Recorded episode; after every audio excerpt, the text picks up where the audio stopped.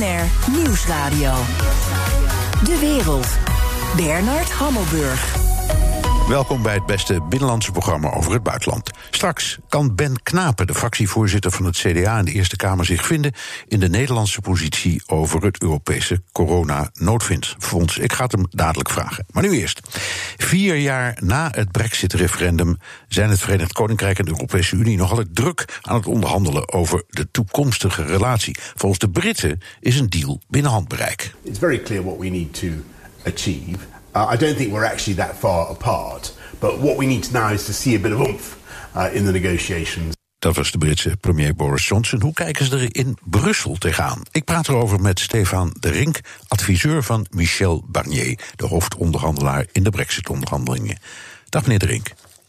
Ja, goedemiddag. Uh, u bent nauw betrokken bij de Brexit-onderhandelingen. We horen vaak over hoofdonderhandelaar Michel Barnier. Maar ik begrijp dat er aan beide kanten zo'n 250 mensen werken. Wat doen die allemaal?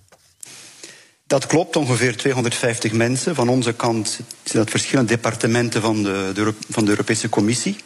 En wat die doen is met name over elf verschillende thema's onderhandelen, zowel qua luchtvaart, wegverkeer, energie, handel in goederen, handel in diensten, de standaarden voor de normen voor het eh, eerlijke concurrentie tussen het Verenigd Koninkrijk en de Europese Unie, de mogelijke participatie van het Verenigd Koninkrijk in toekomstige Erasmus en studentenuitwisselingsprogramma's. Dus daar komt er inderdaad heel veel, Heel veel volk bij dat kijken. Zijn, en dat zijn dan allemaal aparte ploegen die dat doen, neem ik aan. Allemaal specialisten. Dat, dat zijn aparte ploegen en u, u maakt de referentie naar Michel Barnier, die is dan van onze kant de hoofdonderhandelaar, die de coördinatie dan verzorgt tussen die elf groepen en die dan ook met de hoofdonderhandelaar aan Britse kant, David Frost, die voor Ja. Boris Johnson werkt, de algemene onderhandelingen voert. Ja.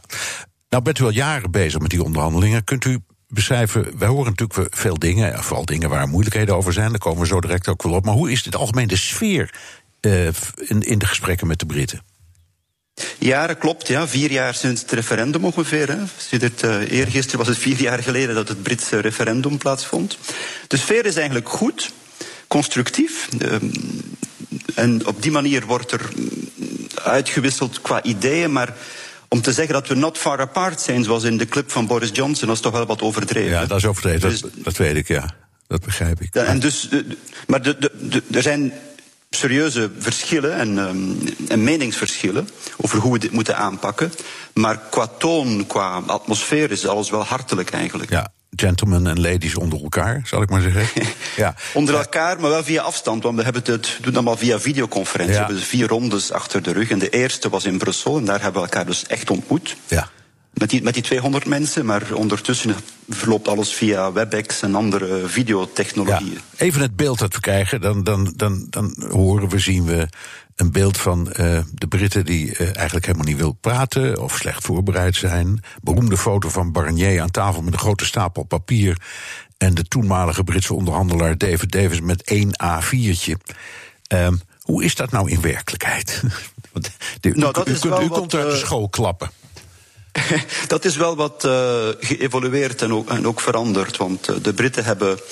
eh, waar, u, waar u naar verwijst was de eerste ontmoeting voor de onderhandeling over de uittreding. Ja. Waar we nu mee bezig zijn is de, de toekomstige relatie. De Britten zijn ondertussen sinds 31 januari uit de Europese Unie.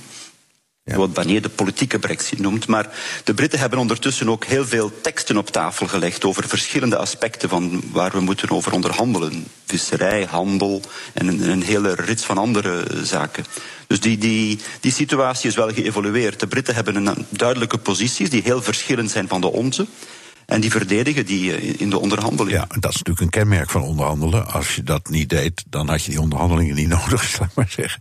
Precies. Ja, even een voorbeeld. Ehm, De EU gaf ehm, zeg maar, zijn, haar positie voor de toekomstige relatie al maanden geleden door. De Britten deden dat pas een paar weken geleden.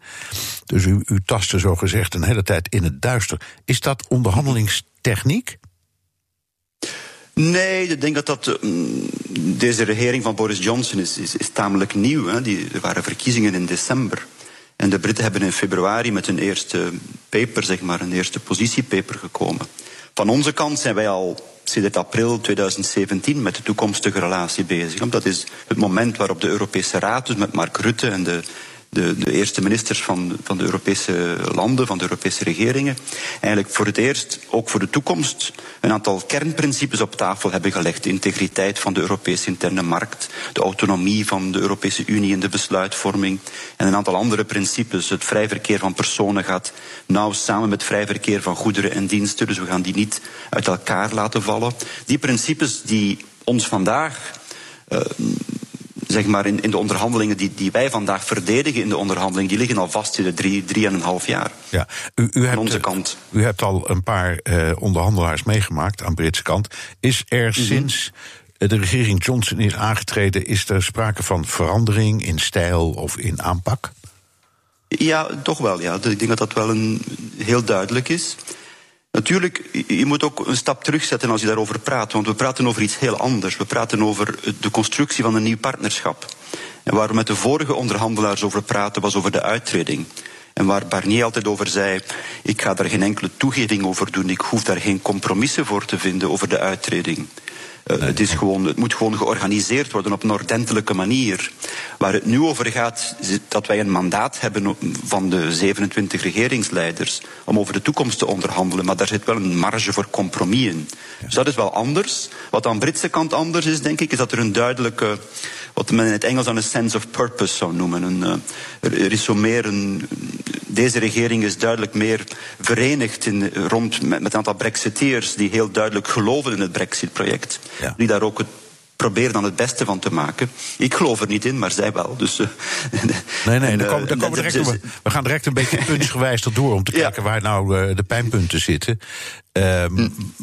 Je hoort ehm, eigenlijk steeds dat er voortdurend maar geen vooruitgang uh, wordt geboekt. Uh, wat zegt dat over de toon aan tafel? U zei ja, ze zijn wel keurig ladies en gentlemen tegen elkaar, maar inhoudelijk gaat het niet erg lekker, toch? Inhoudelijk gaat het moeilijk. Um, dus de toon die blijft hoffelijk en, en, en die blijft ook wel georiënteerd. En het is ook onderliggend aan die hoffelijke toon, denk ik, is er ook wel van beide kanten een, een wil om tot een akkoord te komen. En vandaar ook dat de toon hoffelijk blijft, denk ik. En, en, want die wil is er wel. Ja. Maar er is een enorme divergentie, zeg maar, enorm pijnpunten, verschilpunten rond. Wat zijn de normen voor eerlijke concurrentie? Hoe gaan we visserij aanpakken? Hoe gaan we de rechten van de burgers beschermen als we over veiligheidssamenwerking en, en uitwisseling van gegevens praten? Daar zitten we wel fundamenteel op een andere lijn. En het kernpunt daar van Britse kant is dat een aantal Brexiteers zeggen wij, wij verlaten de Europese Unie. En wij zijn oké, okay, goed, jullie zijn soeverein. Maar we gaan dan ook niet langer met de Europese Unie juridisch bindende verplichtingen aangaan. Want heel het Brexit-project is om te ontsnappen aan, bindende verplichtingen van het Verenigd Koninkrijk ten opzichte van de Europese Unie. Ja. Maar daar kunnen wij natuurlijk niet mee om, want als je internationaal recht wil creëren met, tussen het VK en de Europese Unie, kom je onvermijdelijk op juridisch bindende verplichtingen terecht. Anders heb je geen akkoord. Ja, dus zij zeggen, de, de kern van waar het ons om ging... is om nu juist ook juridisch geen verplichtingen en banden meer te hebben. En de EU zegt, ons standpunt is... je kunt helemaal niet met elkaar omgaan... als je dat niet doet op de basis van juridische afspraken. Precies, en dus moet je over staatssteun of over leefmilieunormen... of over sociale bescherming van werknemers normen bepalen. Je kunt niet zomaar zeggen, zoals de Britse onderhandelaar ons soms zegt. Laat ons gewoon een paar principes vastleggen, maar wij zijn wel soeverein en vrij om daar dan later qua normen van af te wijken. En dan moeten jullie maar zien hoe jullie dat als Europese Unie daar, daarop een antwoord op geeft. Wij zeggen, nee, daar, daar gaat het niet over. We moeten echt tot goede afspraken komen en tot goede normen komen die we beide gaan respecteren. Mijn gast is Stefan de Rink, adviseur van Michel Barnier, de hoofdonderhandelaar in de Brexit-onderhandelingen. We supported the plans agreed by chief negotiators to intensify the talks in July and to create the most conducive conditions for concluding and ratifying a deal before the end of 2020. Dat was commissievoorzitter Ursula von der Leyen. Ook Europa wil het liefst voor het eind van het jaar een Brexit-deal sluiten. Maar er zijn er behoorlijk wat pijnpuntjes. We hadden daar net al over. Uh, en meneer De Rink, u, u, u, noemde een hele lijst. Laten we nou een paar dingen uh, langs uh, lopen. Je, je, leest voortdurend dat de Britten bezig zijn de krenten uit de pap te halen. Cherrypicking. Zij willen een soort van handelsverdrag, zoals dat bestaat met Canada bijvoorbeeld, maar dan met extra's. Wat zijn die extra's en wat willen ze dan? Wel, ze willen bijvoorbeeld de interne markt voor financiële diensten, waar de City van Londen natuurlijk een belangrijke rol speelt. Daar willen ze voor een stuk mee aan de besluitvorming van de Europese Unie werken. Want zij zeggen, de Europese Unie kan ons equivalentie geven. Dat is een eenzijdige unilaterale beslissing van de Europese Unie. Maar je kunt die niet zomaar terugtrekken, zeggen zij ons. En dat is een punt waar wij een, een belangrijk meningsverschil over hebben. Want wij zeggen, bon, wij gaan niet met een land dat de Europese Unie verlaat heeft, de besluitvorming hierover delen. Nee. Ze willen bijvoorbeeld over wat men dan in het Engels professional qualifications noemt, juristen, architecten, reviseurs voor bedrijven, bedrijfsrevisoren, willen zij zeggen, bon, we moeten die qualifications, die beroepsopleiding, moeten wij van elkaar erkennen, zodat de Britten, de Britse advocatuur gewoon in de interne markt kan blijven. Ja. Zij willen voor goederen willen ze een aantal zaken op, op, papier zetten waar ze eigenlijk een soort van industriële hub voor Europa kunnen blijven. Voor het wegverkeer willen ze alle rechten en, behouden in zaken ja. truckers en hoe die van Amsterdam naar Utrecht kunnen gaan en, en, en dergelijke meer. Nee, maar ik begrijp dus, je dingen. U, u betoogde net, uh, zij willen eigenlijk eruit en ze zeggen er is geen juridische grondslag voor wat dan ook. Maar al deze dingen die u noemt zijn nu typisch juridische dingen, dus daar komen ze zelf mee. Ja, en dan moet je natuurlijk ook zeggen, bon, als je dat wil, moet je een aantal verplichtingen ook uh, ten opzichte van de Europese Unie uh, aanvaarden. Dus ja. je kunt niet zomaar zeggen, we willen allerlei rechten, maar we willen geen verplichtingen. iets waar Het punt is wel dat ze veel meer rechten dan verplichtingen willen. Iets waar we veel over horen, meneer De Rink, is visserij. De EU zegt met Nederland voorop trouwens, we willen toegang houden tot de Britse wateren. Maar het is toch logisch dat de Britten zeggen, ja, het zijn onze wateren, dus daar gaan wij dan over. Ja, dat is zeker logisch dat de Britten dat zeggen. Ze zijn een soeverein land, dus de Europese Unie verlaten. Ze hebben controle over hun water. Dat is onder internationaal recht ook zo voorzien. Maar de discussie moet eigenlijk gaan over de toegang van de Europese vissers tot die wateren. In een stabiel kader, een kader dat zekerheid biedt, dat niet jaar na jaar moet heronderhandeld worden. En dat dan ook over de visserijquota's een eerlijke verdeling voorziet. En uiteindelijk moet dat dan een onderdeel worden van het economisch partnerschap. En driekwart van de visserijproducten van Groot-Brittannië die worden uitgevoerd naar de Europese Unie ongeveer. Ja. Dus wij zeggen wij willen dat wel blijven invoeren zonder tarieven, zonder quota's. Maar dat moet dan wel binnen een breder plaatje passen waar onze vissers, de Nederlandse vissers en de Deense, de, de Belgische vissers, eerlijk uh, ook een, zich goed vertegenwoordigd voelen in, in, hoe die deal tot stand gaat komen. Ja, um, de Britten zeggen we gaan dat jaarlijks heronderhandelen. Ja, dat doen we ook met de Noorden, zeggen zij ons. Ja. Maar daar met de Noorden gaat het over vijf, zes, zeven verschillende vis, vissoorten. Hier gaat het over meer dan honderd vissoorten. Niet dus min, het, het, kan ook niet. Niettemin, ja. ik hoor van beide kanten vaak dat, dat om, om, politieke reden die visserijkwestie veel groter wordt gemaakt dan die eindelijk, eigenlijk is. Je hoort heel veel mensen zeggen: het is eigenlijk maar een heel klein onderdeeltje van het geheel. Is dat nou waar? Of zegt, dat is of, niet waar als je visser bent natuurlijk. Nee, als je visser bent niet, dat weet ik wel. En, en ik weet dat in Nederland en in België uh, en in Denemarken die, die belangen heel groot zijn. Maar laten we, laten we dan zeggen, oké, okay, um, uh, dat is dan voor die landen en misschien Frankrijk misschien wel belangrijk. Maar ja, wat kan het Roemenië schelen? Of Bulgarije, ik noem maar wat. Dus uh, uh, is, is het wel zo dat ook binnen de EU op zo'n punt als dit al die landen één lijn trekken? Dat is een interessant punt, want als je kijkt hoe we in het verleden hadden we de Ierse kwestie die in het uitdelingsverdrag geregeld is. En daar zou je ook wel van kunnen zeggen, ja, Roemenië, Letland, wat hebben die nu met, wat hebben die met de backstop te maken, zo gezegd? Ja, precies. Ja, ja. Terwijl die solidariteit en die eenheid van de Europese Unie toch wel heel sterk was. En die solidariteit met Ierland ook wel heel sterk was.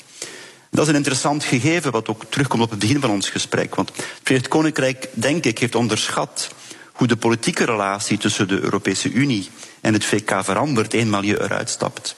En je bent een derde land en de Europese Unie zegt dan, bon, als Spanje Gibraltar belangrijk vindt, dan vinden wij dat ook belangrijk, want Spanje is een van ons. Ja. Ierland is een van ons. Nederland is een van ons. En dus als Nederland visserij belangrijk vindt, dan vinden wij dat allemaal als 27 heel belangrijk om dat tegenover het Verenigd Koninkrijk te, te verdedigen.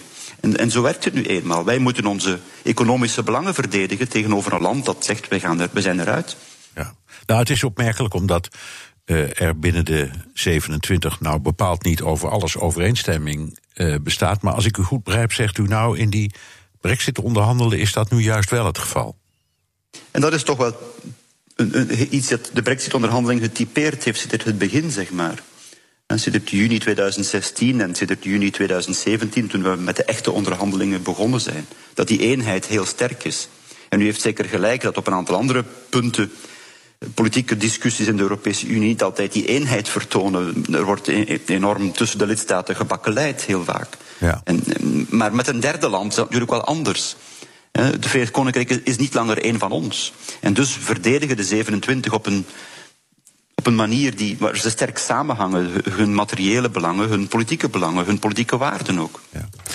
Um, er wordt gesproken voortdurend over een gelijk speelveld. En daar, daar, daar begrijp ik ook iets niet helemaal over. De Britten zeggen.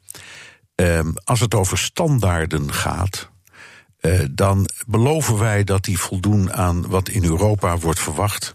Maar daar hoeven we geen verdrag over te ondertekenen. Als we dat zeggen, dan moet je ons geloven. We zijn een soeverein land. We zijn een net land. Uh, komt het erop neer dat wij de Britten niet vertrouwen? Wel, je kunt niet internationaal recht creëren zonder dat je verplichtingen bepaalt. Het gaat niet over vertrouwen. Het is op zich een goed startpunt dat de Britten zeggen: we gaan onze bescherming, de normen van leefmilieubescherming of sociale bescherming of klimaatverandering, we gaan, die niet, we gaan daar niet oneerlijk met Europa over in concurrentie gaan. Op zich is dat een goed startpunt.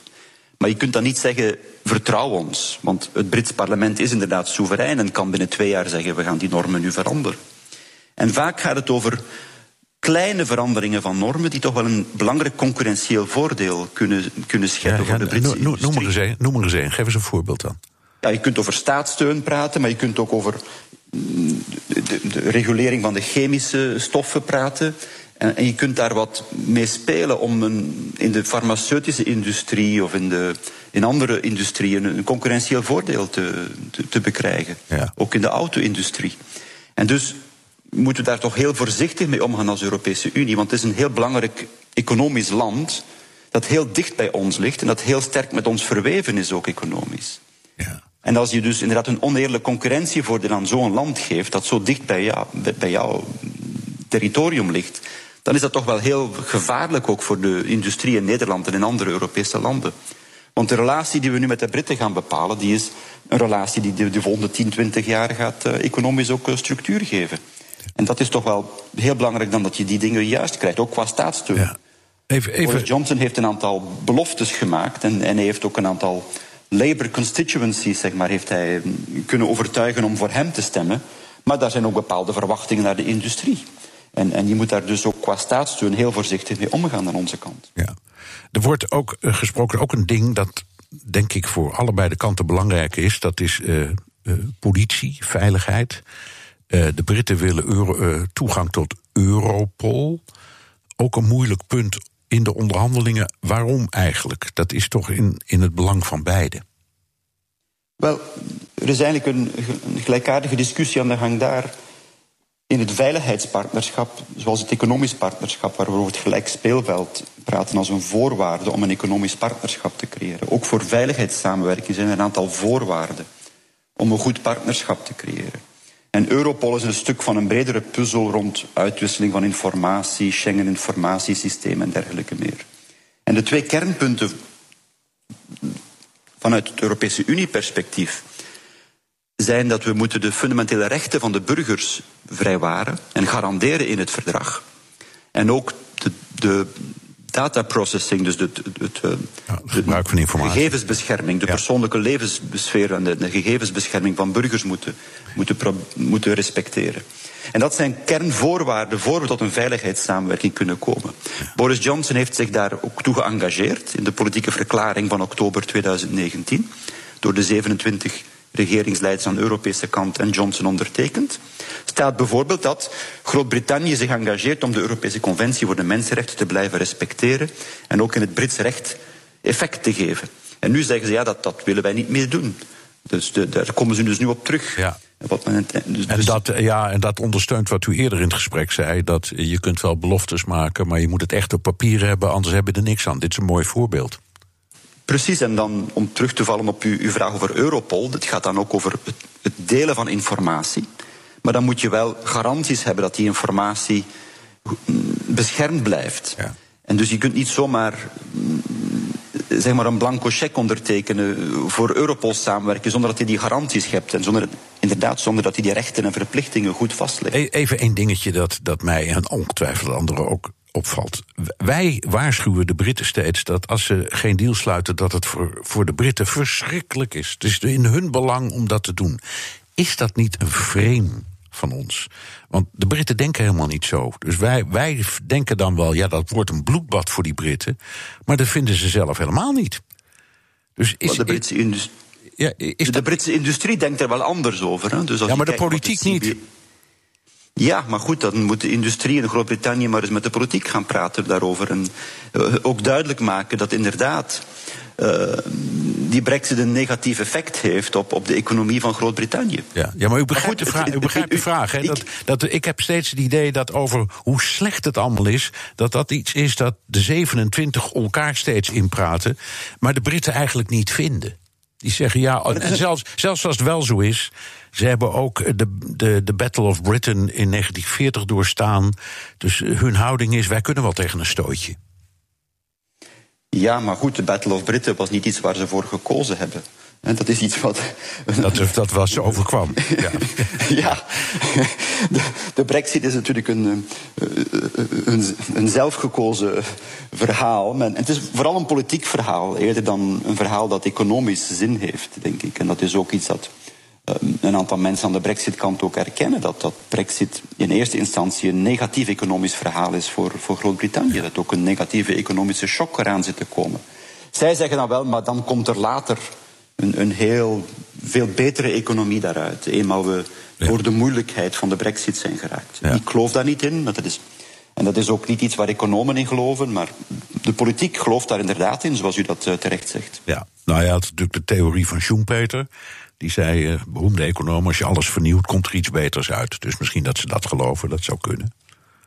Ja, maar natuurlijk, ondertussen verniel je wel de jobs van mensen. Ja. Ondertussen verniel je wel investeringen die anders, uh, als die binnen de interne markt gebleven was, die er wel zouden gekomen zijn. Korte en simpele laatste vraag. Uh, er wordt steeds maar gepraat over uitstel. Daar moet een beslissing nu over komen. Dat zou kunnen, maar Johnson heeft steeds gezegd: ja, dat ga ik niet doen. Dus het moet voor het eind van het jaar. Wat denkt u dat er gaat gebeuren? Komt er uitstel? Of, uh, Wel, u, ja? U, u, had daar straks een clip van Ursula von der Leyen. We hadden dus een vergadering met Johnson en, en, onze voorzitter van der Leyen. Waar Johnson zei: nee, er komt helemaal geen uitstel. Wij, wij gaan op 31 december. Is Dan zijn we weg. Die ja. ja, die overgangsperiode waarbij ze dus binnen de interne markt nog blijven. En die hen economisch ook beschermt, die, die is echt gedaan op 31 december 2020. Ja. Dus, en er komt geen uitstel. En eenmaal we voorbij de 1 juli zijn, is er geen enkele mogelijkheid om nog tot uitstel te komen. Nee, dus over een paar dagen weten we zeker wat u nu al denkt dat van uitstel is geen sprake. 31 december, dat is het moment. Precies, en dus moeten we tot een akkoord komen. Eind oktober, ten laatste, denk ik. Ja. Om te zorgen dat, het, dat op 31 december de return no deal komt, maar wel een, uh, het eind van de interne markt, het eind van de douane-unie met uh, het Verenigd Koninkrijk, met een nieuwe deal, met een vrijhandelsverdrag. U krijgt het toen heel druk. Dank, Stefan de Rink, adviseur van Michel Barnier, hoofdonderhandelaar in de Brexit-onderhandelingen. BNR Nieuwsradio. De wereld. Bernard Hammelburg. De poging van Donald Trump om aardsvijanden Servië en Kosovo bijeen te brengen is mislukt. Want één van de twee partijen komt niet opdagen. Een bericht vanuit Den Haag maakte vroegtijdig een einde aan het plan van de Amerikaanse president. Europa-verslaggever Jesse Pinster, welke spreekwoordelijke bom ging er af in Den Haag? Er ligt een aanklacht tegen de president Thaci van Kosovo. En die komt van de speciaal aanklager die in Den Haag gevestigd is. Die onderzoek doet naar de oorlogsmisdaden in Kosovo. Want de president van Kosovo zou samen met een aantal anderen verantwoordelijk zijn voor de dood van 100 mensen. Voor verdwijningen van mensen. Voor martelingen. En nu moet de rechter dus gaan bepalen of die aanklacht of die een vervolg gaat krijgen. En het gaat dan allemaal terug naar de tijd van de, de Kosovo-oorlog eind jaren 90. Over die martelingen gaan bijvoorbeeld al heel lang de verhalen dat er illegale organenhandel heeft plaatsgevonden. Carla Del Ponte, destijds hoofdaanklager bij het Joegoslavië-tribunaal, die maakte dat, uh, bracht dat naar buiten. In 2008 is dat uh, inmiddels alweer. En deze Taci, die president, die, uh, ja, die was een van de, de belangrijkste leiders binnen de UCK, de Kosovaarse bevrijdingsleger. Of misschien moet je het een etnische Albanese guerrilla-beweging noemen. Ik zag trouwens dat hij een paar uur geleden zijn Facebook-pagina, de foto daarvan veranderd heeft. En dat daar nu een heel groot logo van de, uh, van de UCK uh, op staat. Zo. En nog één opvallend ding aan dat uh, bericht wat naar buiten kwam in Den Haag, is dat ze daar ook in stellen dat Tachi en een paar andere hoge Kosovaarse politici, die zouden bezig zijn met het belemmeren en het ondermijnen van, de, van het werk van deze speciale aanklager. En daarom hebben ze het enigszins overhaast volgens mij naar buiten gebracht. Ja, ik, ik, ik denk in zo'n geval, wie in toeval gelooft, moet zijn vinger opsteken. Die aanklacht kwam wel op een erg pikant moment. Ja, Tachi zelf die zat in het vliegtuig omdat hij onderweg was naar Washington, naar het Witte Huis, naar Donald Trump. Want daar zou hij zaterdag onder leiding van de Amerikanen gesprekken voeren met zijn ja, grote vijand Servië. Dat is allemaal georganiseerd door Richard Grenell. Dat is die toch wat controversiële voormalige ambassadeur van Trump in Berlijn. En die is uh, inmiddels, dat was hij al een tijdje trouwens, is hij ook de Balkanbemiddelaar voor uh, Donald Trump. Die Grenell die dacht toen nog van, nou ja goed, dat gaat nog wel goed komen met die gesprekken. Want ja, ook de premier die is onderweg uh, naar, uh, naar, naar Washington. Maar inmiddels heeft ook de premier gezegd: ik moet terug naar Pristina, terug naar de hoofdstad van Kosovo. om uh, me met deze crisis bezig te houden. Dus ja, dan heb je straks zaterdag een onderhandelingstafel waar alleen de Serven en de Amerikanen als bemiddelaar zitten. Ja. Nou hebben de Amerikanen destijds via Holbrooke bemiddeld tot het Dayton-akkoorden, dus ze kunnen wel wat. Mm -hmm. Hoe wilden de Amerikanen -hmm. eigenlijk dit keer een eind maken aan die zeer gespannen verhouding tussen Servië en Kosovo? Nou, als we naar Grenell luisteren, dan had hij een soort model van een, ja, een soort kapitalisme à la China voor de Balkan uh, in gedachten. What we're trying to do is concentrate on the economic uh, situation, to create a little mini Shenzhen zone. We think that's a very good idea, and we think if you can create jobs in the region, if you can bring capitalism and force the parties to get along economically and commercially, then the political issues would be the second step. Ja, hij verwijst daar naar Shenzhen, de, de eerste speciale... Ja, wij wonen in Shenzhen, hoor ik nu, ja. Ja, ja, en uh, kijk, er zit natuurlijk wel wat in, hè, dat je die economische ontwikkeling, dat dat een belangrijke rol speelt in het afbouwen van die spanningen uh, daar. Dat is misschien ook wel de Europese aanpak met nou, toch de integratie binnen de Europese economie. Tegelijkertijd een vrijhandelszone die je zo midden in de Balkan neerzet. Dat lijkt toch een beetje ja, grote stappen snel thuis uh, strategie. Waardoor je toch een beetje de indruk hebt dat ze misschien in Washington ook wel bezig zijn om een klein buitenlands succesje voor Donald Trump uh, te regelen. Zo in de aanloop naar de Amerikaanse verkiezingen. Dankjewel, Europa-verslaggever Jesse Pinster. De Donald Show. Tijd voor een update uit de United States of Trump met onze correspondent in Washington, Jan Postma. Jan, veel aandacht voor Trumps eerste campagne-rally. Daarbij gaat het steeds over het tegenaan, tegenvallende aantal bezoekers. Als je zegt of beweert dat je 1 miljoen aanvragen voor kaarten hebt, maar er komen er maar 6000, is dat dan een debakel? Of ziet Trump dat dan toch anders? Ja, dat ziet Trump dan toch weer anders. Het stadion is in zijn geval half vol en niet half leeg dus. Uh, ja, we hebben heel hoop, uh, een hele hoop excuses gehoord hè, van die Trump-campagne. Demonstranten blokkeerden de boel, supporters zijn bang gemaakt door de media. Uh, TikTokkers en K-poppers zouden een rol hebben gespeeld via jongeren... die, die expres kaartjes hebben besteld dus. en ook tegelijkertijd heel veel leedvermaak. Want wat zegt hij nou over de populariteit van Trump? Maar ik moet zeggen, zelf denk ik uiteindelijk... volgens mij heeft gewoon corona een grote rol gespeeld. Want ja, om dan in een overdekt stadion te gaan zitten... dat is ook voor uh, fanatieke Trump-supporters toch best wel een grote stap op dit moment. En uh, er keken me miljoenen mensen via Fox News. Dat was uh, een record, een recordavond voor Fox News. En online ook, ik geloof iets van 5 miljoen kijkers. Dus ja, dat legt Trump dus ook even zo uit. dit is eigenlijk een hele succesvolle avond geweest. Hij is wat moeilijk te verstaan, want hij staat natuurlijk weer voor een draaiende helikopter. We had a nice crowd, but we had the highest ratings in the history of Fox on Saturday night.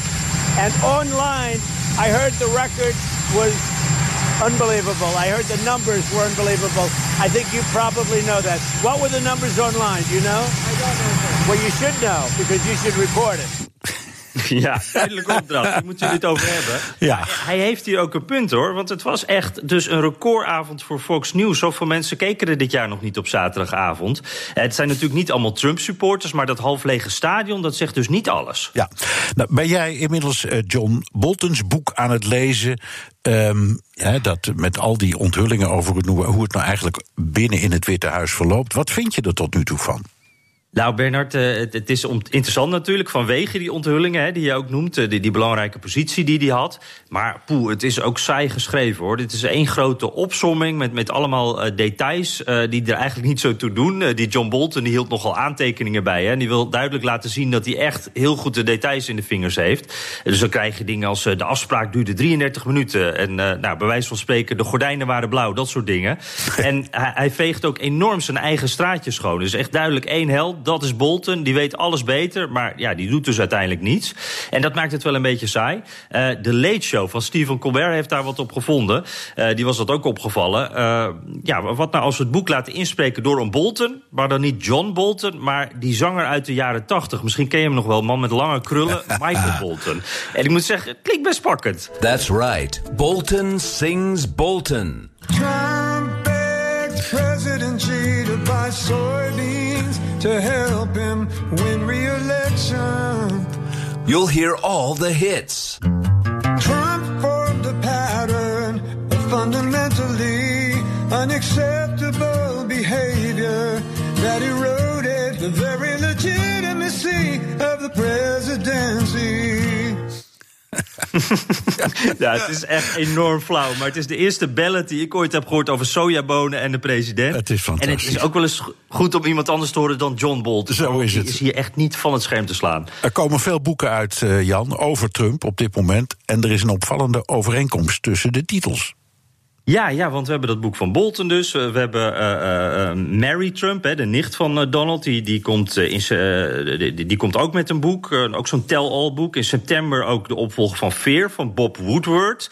En er zijn er nog veel meer. En die komen allemaal via dezelfde uitgever. Dat is Simon Schuster, een hele grote uitgever. Hè. Dus die gaan flink cashen. Maar die moeten ook veel advocaten inhuren. Want Bolton, die heeft, John dus... die heeft al een, een, een, een, aanmaning van het Witte Huis aan zijn broek hangen. En Mary Trump, die... eh, ja, van de familie, hè? Ja, Ja, door, de, door de familie probeert echt. ja. Oké, dankjewel. Dus die- die- Ja, sorry. Ja, dankjewel. Jan Postma, correspondent in Washington. En ik onderbreek je, maar dat geeft helemaal niks. Want wij komen gewoon straks weer terug, Jan, met de nieuwe aflevering van de Amerika-podcast. Want die staat hopelijk later vandaag online. De wereld. In de Europese hoofdsteden vindt deze week topoverleg plaats over het corona-wederopbouwfonds ter waarde van 750 miljard euro. Nederland is nog altijd tegen schenkingen. Een compromis is niet in zicht. Ik denk dat de Nederlandse overheid tot op de dag van vandaag onderschat eh, wat de problematiek is die op ons af aan het komen is. Dat was Nout Welling, de oud-president van de Nederlandse Bank, vorige week in dit programma over de Nederlandse opstelling. Ik praat erover met Ben Knapen, fractievoorzitter van het CDA in de Eerste Kamer en oud-staatssecretaris van Europese Zaken. Welkom. Goedemiddag. Eh, wat vindt u van de opstelling van Nederland over dat noodfonds? Ja, ik vind dat eh, wij op één heel belangrijk punt tekortschieten. En dat is dat wij eh, het overkoepelende, eh, belangrijkere verhaal wat hierboven ligt, dat wij dat te weinig delen met, eh, met het publiek. En dat overkoepelende verhaal is dat dit stukje van de wereld, West-Europa, aan alle kanten bedreigd wordt. Door de opkomst van China, door de eigenzinnigheid van de Verenigde Staten, door de enorme afhankelijkheid van grote bedrijven als Google, Apple, Facebook. Ehm, waar we eh, een, een vuist mee eh, tegen moeten kunnen maken. En als je al die bedreigingen, je kunt er nog een aantal opnoemen, als je die op een rijtje zet, dan is een zekere mate van saamhorigheid in West-Europa essentieel om die bedreigingen het hoofd te bieden. En alle andere dingen zijn daar eigenlijk Aan, aan, ik, van. snap het, aan, ik snap het. Dus u zegt de, de, de bedreigingen of de complicaties van buiten in, in, in geopolitieke zin zijn zo groot dat de EU de plicht heeft aan zichzelf om een eenheid te zijn. Zo is het. En in elk geval de belangrijkste landen. Kijk, eh, of je altijd 27 landen op één lijn kunt krijgen, dat is een ander verhaal. maar de belangrijkste landen die horen één lijn te trekken. En uh, een afgeleide daarvan is dat je dan op bepaalde terreinen soms compromissen moet sluiten. En dan komen we op het noodfonds en dan komen we op het standpunt van uh, CDA-minister Hoekstra, uw partijgenoot. Die is hard, in, zeker in de ogen van zijn collega's. Zuinig. Ja, nou ja, voor bepaalde uitlating heeft hij intussen zijn excuses aangeboden. Dus dat is ook geschiedenis. Uh, ik vind dat een minister van Financiën, als je strikt naar zijn portefeuille kijkt, uh, wel degelijk stevig mag onderhandelen en mag letten op het belang ook van de Nederlandse belastingbetaler. Alleen, dit is niet een onderwerp alleen voor het ministerie van Financiën. Dit is een onderwerp voor onze hele overheid, voor onze regering, voor onze positie in Europa. Uh, en dan uh, is het logisch dat je te midden van alle bezwaren die je tegen allerlei dingen hebt in dit fonds, en die kan ik ook zo verzinnen, dat je wel steeds aangeeft, maar luister, aan het eind van de rit is een compromis van essentieel belang voor Nederland. Als je dat namelijk niet doet, dan wordt elk compromis wat je in Brussel sluit een nederlaag voor Nederland. Als je wel aangeeft dat er een hoger belang is, dan wordt elk compromis ook een Oké, okay, maar, nou, maar nou, nou, ga ik even in zijn schoenen staan. Uh, hij heeft twee opties. Zijn overtuiging is: je kunt beter het. Nederland is tegen het doen van schenkingen. Lening is een ander verhaal. Financiering van landen in moeilijkheden is een ander verhaal. Maar schenking is een fout. Anderen, zoals Nout Welling, die wij net hoorden, en ook uh, Jeroen Dijsselbloem, geloof ik, dat weet ik eigenlijk niet eens precies. Maar een aantal mensen zegt. Ja, daar moet je nou overheen stappen. Het is zo erg, die landen gaan, staan er zo erg aan toe, Italië, Spanje. Dan moet je ook dat woord durven gebruiken. Als hij dat doet, ja, dan krijgt hij meteen een mes in zijn rug in uh, eigen land. Dus hij zit in een soort spagaat. Hoe doe je dat dan? Als je zegt, ik moet uiteindelijk naar een compromis. Uh, ik denk dat het uh, erom gaat dat je aangeeft dat er een hoger belang is dan de discussie over de vraag. Ja, maar die vraag moet je zijn. toch beantwoorden. Ja, Als je maar, collega's zeggen: zeker. joh, ben je nou bereid om een schenking te doen, ja. ja of nee? Dan moet je antwoorden. Ja, wat je dan kunt zeggen is: het is niet mijn ideaal. Ik zou het anders construeren. Maar ik zie dat belangrijke landen als Frankrijk en Duitsland bereid zijn over hun schaduw te stappen voor het hogere belang. En dat moeten wij ook kunnen. Ja, maar daarmee zegt u impliciet tegen uw partijgenoot Hoekstra. Ik vind dat je dat wat duidelijker en plooibaarder moet aanpakken. Uh, zoals ik in het begin al zei, ik vind dat als je één portefeuille hebt die financiën heet, dan heb je tot taak om heel nauwkeurig te letten op de technicalities van financiën. Dus dan mag je daar best de vinger op wijzen. Alleen als collectief, als overheid, als regering moet je op een gegeven moment zeggen: financiën is één ding.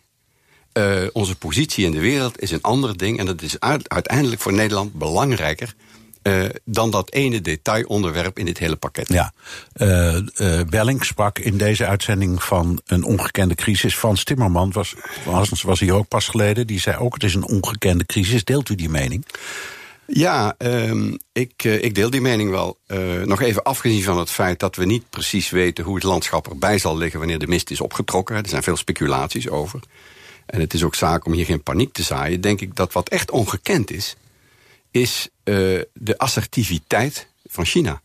Wat ongekend is, is de, de snelheid waarmee de, waarmee de Verenigde Staten een alleingang in de wereld erop nahouden. Dat zijn ongekende ontwikkelingen van de laatste jaren. En die moeten wij op ons laten inwerken, want die zijn voor ons niet vrijblijvend. Ja, maar goed, de discussie, ik probeer het, ik begrijp het, maar ik probeer het steeds terug te brengen tot die verantwoordelijkheden van bewindslieden binnen de Unie. Op dit moment in een acute crisis, en iedereen, u ook, is het er blijkbaar over eens dat die crisis echt heel acuut is. Ja. Al weten we nog niet precies hoe groot, maar dat die groot is, is zeker. Ja, en uh, ik denk ook dat we gewoon voor een volgende generatie ervoor te zorgen hebben dat wij voldoende regie houden in West-Europa om onze welvaart en ons welzijn ten opzichte van de ja. buitenwereld veilig te stellen. U zegt heel terecht, de minister van Financiën die heeft een, een aparte verantwoordelijkheid als minister van Financiën. Maar er is ook nog zoiets als de regering als geheel en de verantwoordelijkheid van die regering. Volgens, het, volgens de, de grondwet is de regering ook de Tweede Kamer. Sterker nog, of de Tweede Eerste Kamer. Het parlement is de toezichthouder en dus de baas. En je kunt zeggen dat de houding van Hoekstra in het parlement grote steun heeft. Ja, ik, ik moet eerlijk zeggen, en ik zie dat soms met een zekere uh, droefheid aan. Ik vind dat in de Tweede Kamer uh, eigenlijk heel weinig, heel zelden dat grotere overkoepelende belang wordt geadresseerd. Uh, en dan lijkt het, als je het namelijk alleen maar over de technische details uh, en de politieke details van voorstellen hebt, dan lijkt het eigenlijk alsof alles wat van buiten komt niet deugt. Eh, de Spanjaarden kunnen er niks van, de Italianen kunnen er niks van, de Grieken konden er al niks van. Eh, de Fransen is ook een vraagteken. We waren altijd veilig in de financieel-politieke relatie als het gaat om Duitsland, want die waren ook streng. Maar die hebben voor het Maar die beginnen te schuiven. Wat krijgen we nou? die hebben Ja. precies gedaan wat in deze situatie eigenlijk nodig is. Dat hogere belang adresseren. Dat heeft Merkel ook duidelijk aangegeven. Die heeft gezegd, kijk, dit compromis is niet mijn ideaal... maar we hebben grotere belangen te dienen dan alleen dit strikt financiële. Ehm, en als je eigenlijk alleen maar eh, redeneert vanuit die, die politiek-technische vraagstukken... van een wat lagere orde... dan lijkt het alsof alles wat van buiten komt eigenlijk eh, niet in orde is. En uiteindelijk zijn wij een open economie, we zijn een open land, eh, we hebben een lange geschiedenis van open grenzen. We leven van de export, we leven van de relatie met het buitenland en dat mag ook geadresseerd worden. Ja, dus we zijn niet alleen in overdrachtelijke zin, maar in le- letterlijke zin het meest transparante land misschien in West-Europa. Alles gaat hier dwars doorheen. Zo is het. Handel, goederen. De, de, de haven van Rotterdam is eigenlijk een Duitse haven. Je kunt allerlei van dat soort dingen. Ja. ja. Maar ook opvattingen, cultuur, manier van werken. eh, Oké, maar dan toch. U, verwijt de Tweede Kamer in feite bekrompenheid. Zeg ik het zo goed? Eh, nee, want dat, eh, dat zou eh, mensen daar tekort doen. Maar wij hebben een lichte neiging, überhaupt in, in, in, in de relatie tussen overheid en parlement, tussen regering en parlement, om, om heel veel op detailniveau te behandelen. En wat weinig in grote lijnen. En dat leidt er vaak toe dat je op al die details overal al kunt vaststellen. Ja, maar ik ga even terug. eigenlijk niet in orde vindt. Even terug naar uw opmerking van zo even. Toen u zei je eigenlijk heb je daar het gevoel dat alles wat van buiten komt deugt niet. Dat bedoel ik. Is dat bekrompen? Of is dat het, de macht van het populisme? Of is dat ehm, angst, zeggen oprechte angst van heel veel Nederlanders voor eh, te veel globalisering? Allerlei dingen die door elkaar Ja, spelen. denk Wat, daar- wat, daar is hier, wat is hier aan de hand? De, de- daar lopen natuurlijk allerlei dingen door elkaar heen. Eh, natuurlijk, er is bezorgdheid over globalisering. Als je overigens een beetje rondom je heen kijkt in Europa, is dat in vele landen het geval. Dus daar is ook best iets aan te doen, samen. Ehm, daar is natuurlijk eh, de zorg voor eh, het, laat zeggen, de directe inkomenspositie van Nederland. Hè, want al die indirecte redeneringen dat wij ook profiteren van export naar andere Europese landen.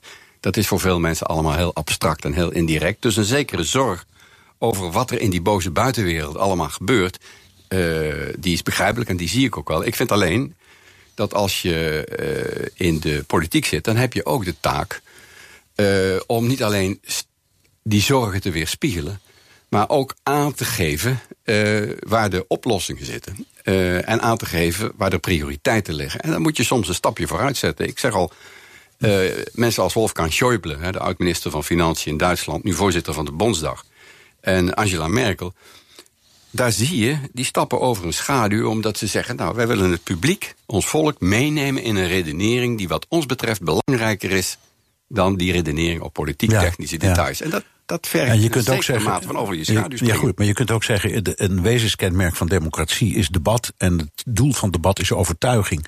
Dus het is eigenlijk wel een mooi verhaal dat een Duitse bondskanselier zich laat overtuigen dat ze misschien moet draaien. Ja, ja. En dan komen we terug bij Hoekstra. Dat is natuurlijk wat hij ook kan doen en ook kan zeggen, ook tegen de Tweede Kamer.